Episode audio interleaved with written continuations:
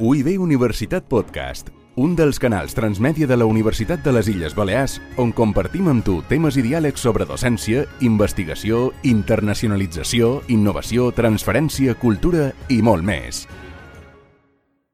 Ah, bé, bon dia, bon dia a tothom, bon dia als assistents d'aquí de Palma i bon dia a la nostra companya d'Eivissa. Bé, començam la segona sessió matinal, després de ser tingut abans de, de Tanitin. En aquesta sala eh, tindrem ara tota una sèrie d'experiències docents que diríem intentat englobar el concepte de ludificació, mentre que a la sala de davant tenim tot el que és parlar en públic i tutories entre iguals, Intentarem sincronitzar un poc les hores, sé que és complicat perquè ens bat un quart d'hora per cada, cada ponent, però lliurement per anar alternant sala 1, sala 2, deixem les portes obertes, perquè potser m'interessa a les 11 d'aquí i a les 11 i mitja d'allà. Tinc un poc pendents, eh, sé que és complicat sincronitzar molts, però bé, que tranquil·lament vos aixecau i podeu anar alternant les sales que, que us puguin interessar. Recordar que eh, totes les sessions, bé, pràcticament totes que ens han autoritzat els ponents estiran gravades, per tant sempre tindreu accés llavors a posteriori a que us enviem el link de l'espai de YouTube on podreu tornar a consultar totes les xerrades que se fain, que se fain avui. Val? Si idees eh, d'aquestes sessions, a diferència un poc d'ahir, que eren un poc més unidireccionals, que siguin molt més participatives, cada professor o professora ens contarà la seva experiència, és a dir, és en pla, jo faig això i això me va bé, llavors ja cadascú que ho pugui adaptar eh, en el seu espai, la seva assignatura i el que cregui més, més adient. L'espai que hem posat és més menys d'un quart d'hora, després ens hem dit uns 10 minuts, 12, per si voleu fer preguntes, etc i que, que no vos teus, en el moment que estem ja més en petit comitè i més en confiança, et dic que s'ha d'això, de compartir, aclarir dubtes i com a mínim que fas contacte per allò dir, mem, Joan, i i això com ho fas, mem? Eh, perquè això queda molt guapo, però la pràctica, com te va? I que a partir d'aquí mos puguem pot nodrir de lo que fan els companys, no? Un poc si deia que a vegades anem a cercar segon quin pop és de fora, quan potser tenim un company dos despatxos cap a l'esquerra, que està fent coses interessants i que no ens podem aprofitar. És un poc això, no? Seria un poc una sinergia entre nosaltres mateixos, van d'anar a cercar fora a vegades el que tenim aquí. Així que res més, vos deixo amb en Joan, que ens fa la primera presentació de, de temes de, de Game Based Learning Activity. Mm? Gràcies, Joan. Gràcies.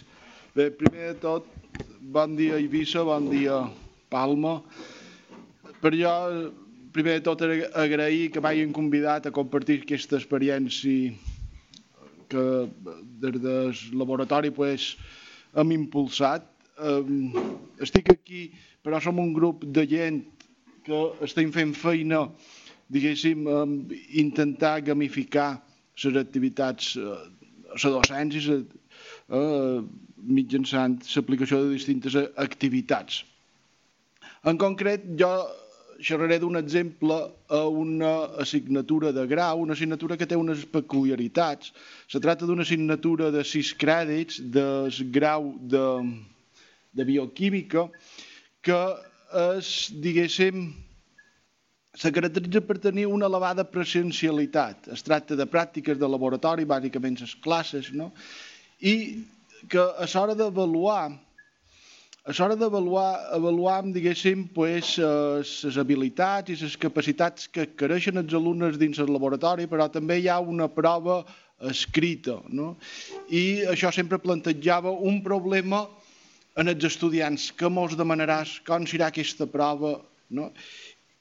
I vàrem pensar a veure quina podria ser la solució. Vàrem pensar la possibilitat de fer una tutoria grupal eh, per resoldre les dubtes i les dificultats que tinguessin no? i perquè poguéssim veure.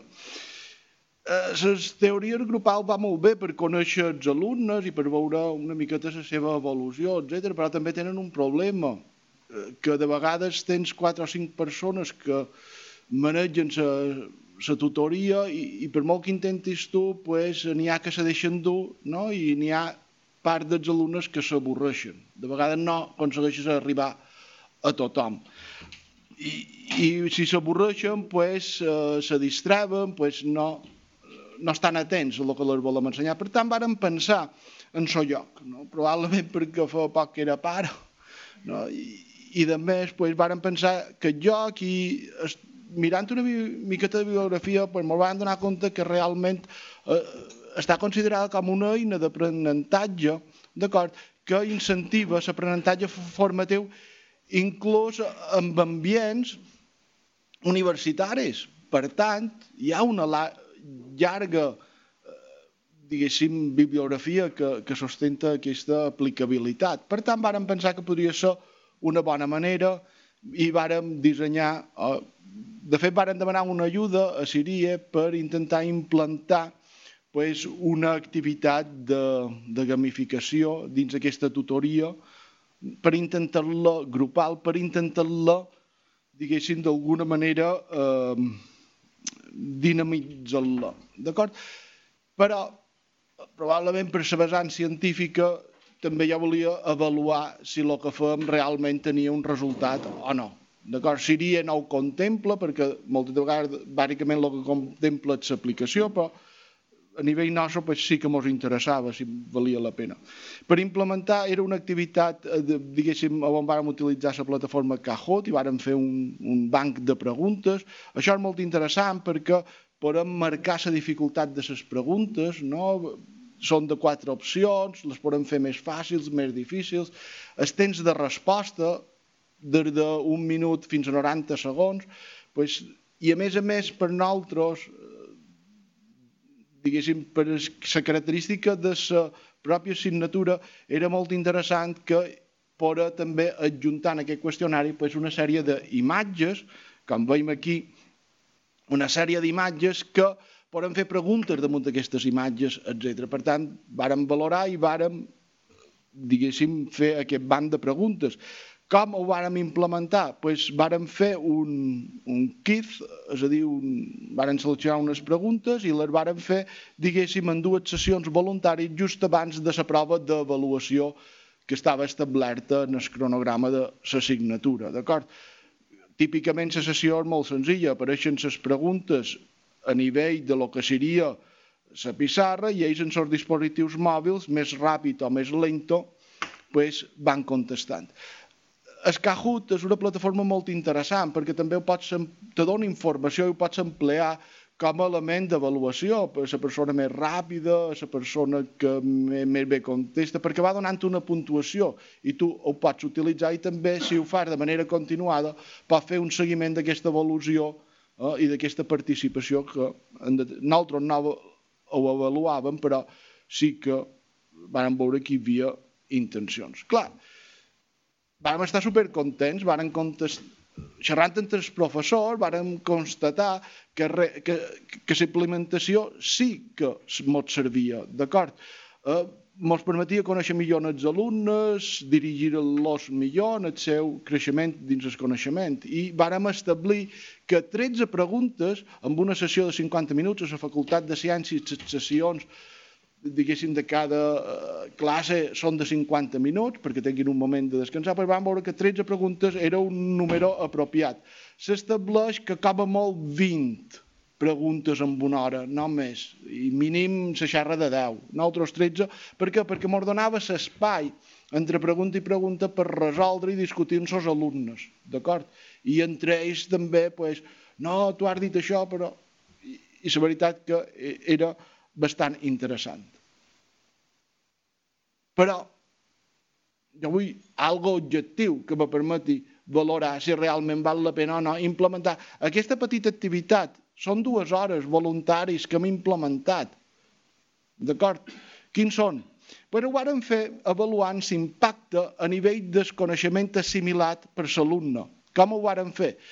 A l'examen doncs, hi havia dues parts, d'acord? Sempre és una part de preguntes eh, diguéssim, de objectives, no? més objectiva, respostes verdader fals o multiopció, i després hi ha una altra part que és més de desenvolupar una miqueta.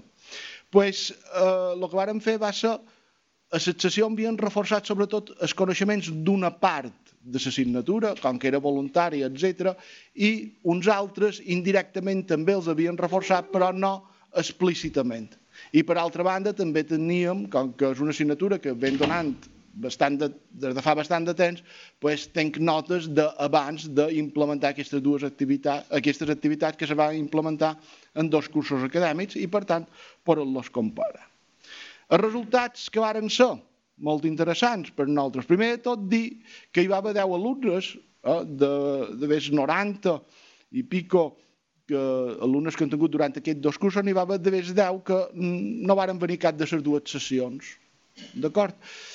Això ens va anar bé perquè ens va permetre veure que si això, eh, la, part, la nota de la part reforçada i la nota de la part no reforçada, pues, el que varen veure és que les dues aparentment eren igualment difícils.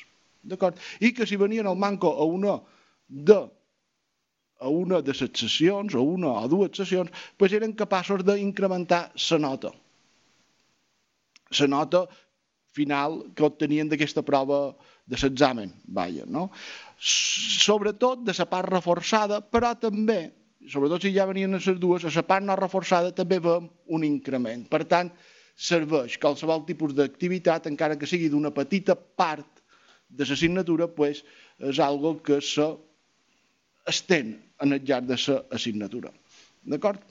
Una altra cosa que ens va resultar molt curiosa és que precisament l'alumnat és interessant per l'alumnat, per ell mateix fer aquest tipus d'activitats i participar en elles, ja que ajuda sobretot en els alumnes que tenen una nota per davall de 7 i mig. En els bons, els que tenen més de 7 i mig, no hi ha diferències entre les dues parts.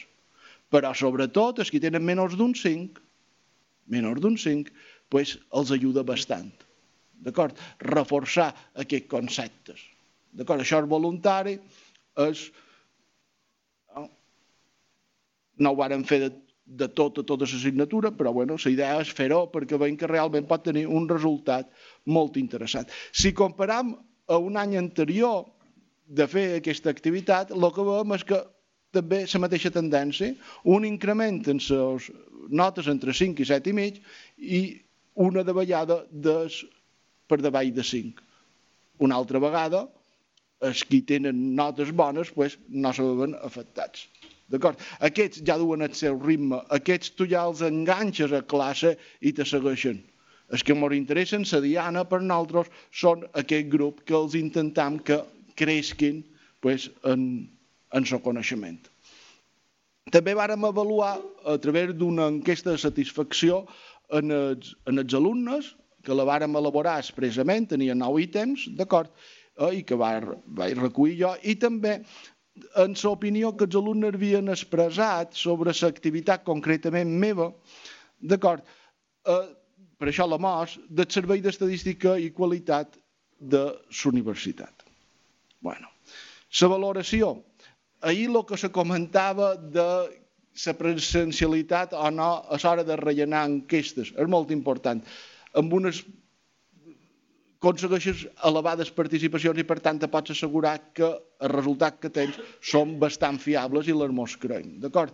L'acceptació globalment d'aquesta activitat va ser molt bona, el, en general els va motivar i els va ajudar en el seu procés de aprenentatge, és a dir, ells eren conscients que jo els ajudava, i això també també és gratificant, d'acord?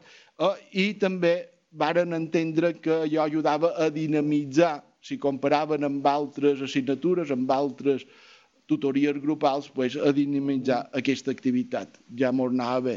D'acord? Però, i això m'interessa a mi especialment, el que jo vaig aconseguir és i millorar la meva valoració de la meva activitat docent. D'acord? Tinc una nota que està a damunt la nota, el promig de la universitat, per davall del nostre departament. Mm, tenc les companyeres que són fantàstiques i, i tenen molt bona nota, pugen, d'acord, però he pujat. Aquí està registrat el primer any que fem aquesta activitat. El segon any que fem aquesta activitat, probablement perquè també nosaltres tenim més experiència, eh? ara ja estic a la mitja del departament.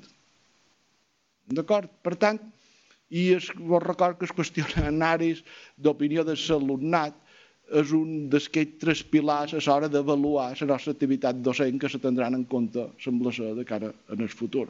Per tant, tot això que ens reflecteix, pues, que hi ha una bona acceptació per l'alumne, d'acord, i és útil, i ells són conscients de que els és útil, i sobretot a nosaltres ens motiva. Fem una activitat que ens d'un temps, ens costa un temps, però que aconseguim, aconseguim millor resultat que nostres alumnes enganxen-los, que tirin endavant, d'acord? I per tant ens anima a estendre a aquesta activitat. Això és una miqueta tot el que vos volia contar, vos dono les gràcies, també dono les gràcies a Siria, que ens va permetre pues, financiar una miqueta aquest projecte i estic a la vostra disposició. Per qualsevol pregunta. Sí que m'agradaria fer dues qüestions que presentant aquests resultats a un congrés de bioquímica ens vàrem plantejar és demanar, si fem aquest tipus d'activitats i sobretot si els passam qüestionaris, hem de passar un comitè de bioètica. És important. D'acord? Eh, no sé si la universitat ho té establert o no, jo vaig demanar a l'oficina de suport eh, a la docència i em van confirmar que realment sí, si passant qüestionaris en els alumnes, convé passar una comissió. D'acord? Per estar més segur. I sobretot és hora de voler publicar de bioètica per valorar... Sí, perquè tu, és a dir, com que jo demà, els ítems que deman xerra de l'edat, de vegades, del sexe, etc., tu pots creuar les dades, a pesar que sigui anònima, i identificar perfectament la persona que te contesta. I això èticament no és, no és correcte i per tant ha de passar una comissió de, de bioètica. I l'altre problema que me varen plantejar, un pregunton que sempre hi ha al Congrés, és dir, eh, veureu fixat que hi havia una part reforçada i una part no reforçada a l'hora de fer l'examen. Ell considerava que això no era ètic, d'acord, que s'havia de reforçar totes les parts de l'assignatura. D'acord? Per tant, també hem d'anar alerta. Això és la falta d'experiència de, de, de plantejar, però bueno, són preguntes que de cara en el futur pues, sí que tenim en compte. I ara ja sí que si teniu cap pregunta o comentari que em vulgueu fer, no sé si estic entens. No, me comentava que el seu era fer eh, generalment dos grups i un grup fer-ho i un altre grup no fer-ho. Tot. Com que és a l'atzar, tu tries un o l'altre a l'atzar, en principi està, està per mi. Jo vaig dir que en els nostres estudis només teníem un grup Yajo y agua, entre cometes.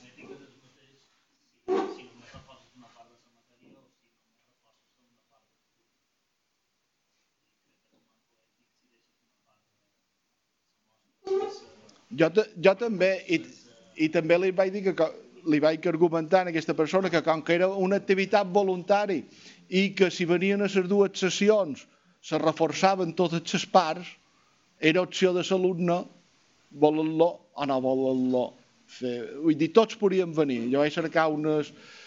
Eh, està fora d'horari, jo vaig cercar unes dates que tots expressament me varen dir que, que podríem venir i intentar que arribar a tothom. Però, més que res, l'exemple aquest d'una petita...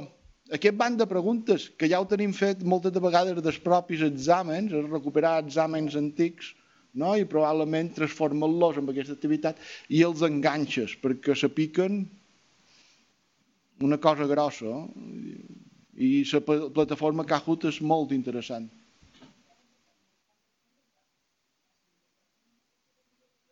Sí, sí. En, en, no, en, hi, ha, hi ha comissions. Hi ha comissió de bioseguretat, hi ha comissió d'experimentació animal, hi ha una comissió de bioètica. De fet, arrel de qualque professor, de comportament ètic de qualque professor, sé que s'ha configurat. No sé quins són els procediments, però eh, sobretot si inclús aquests projectes de Siria, d'innovació docent, que aquestes ajudes, petites ajudes que ens donen per implementar, no estic segur si han de passar o no. El que és cert és que si tu vols publicar aquestes dades, que creguis que a part de transmetre als companys d'aquí a la universitat, les vol transmetre ja una comunitat més ampla, el que me diuen és que la revista me demanarà, si té un cert factor d'impacte, que sempre el que cercam, te demanarà haver passat o no el, consentiment, diguéssim, el, el comitè de bioètica, que implica que tu faràs un consentiment informat i els explicaràs també als alumnes. Això ja ho vaig fer, de paraula, però ho volen per escrit, per firmat, guardat, eh, la protecció de dates de personals, etc.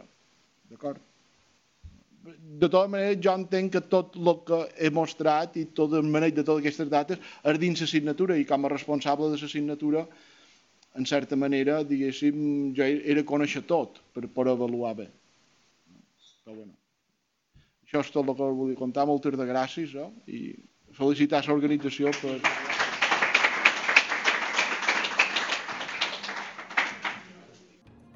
UIB Universitat Podcast, un dels canals transmèdia de la Universitat de les Illes Balears on compartim amb tu temes i diàlegs sobre docència, investigació, internacionalització, innovació, transferència, cultura i molt més.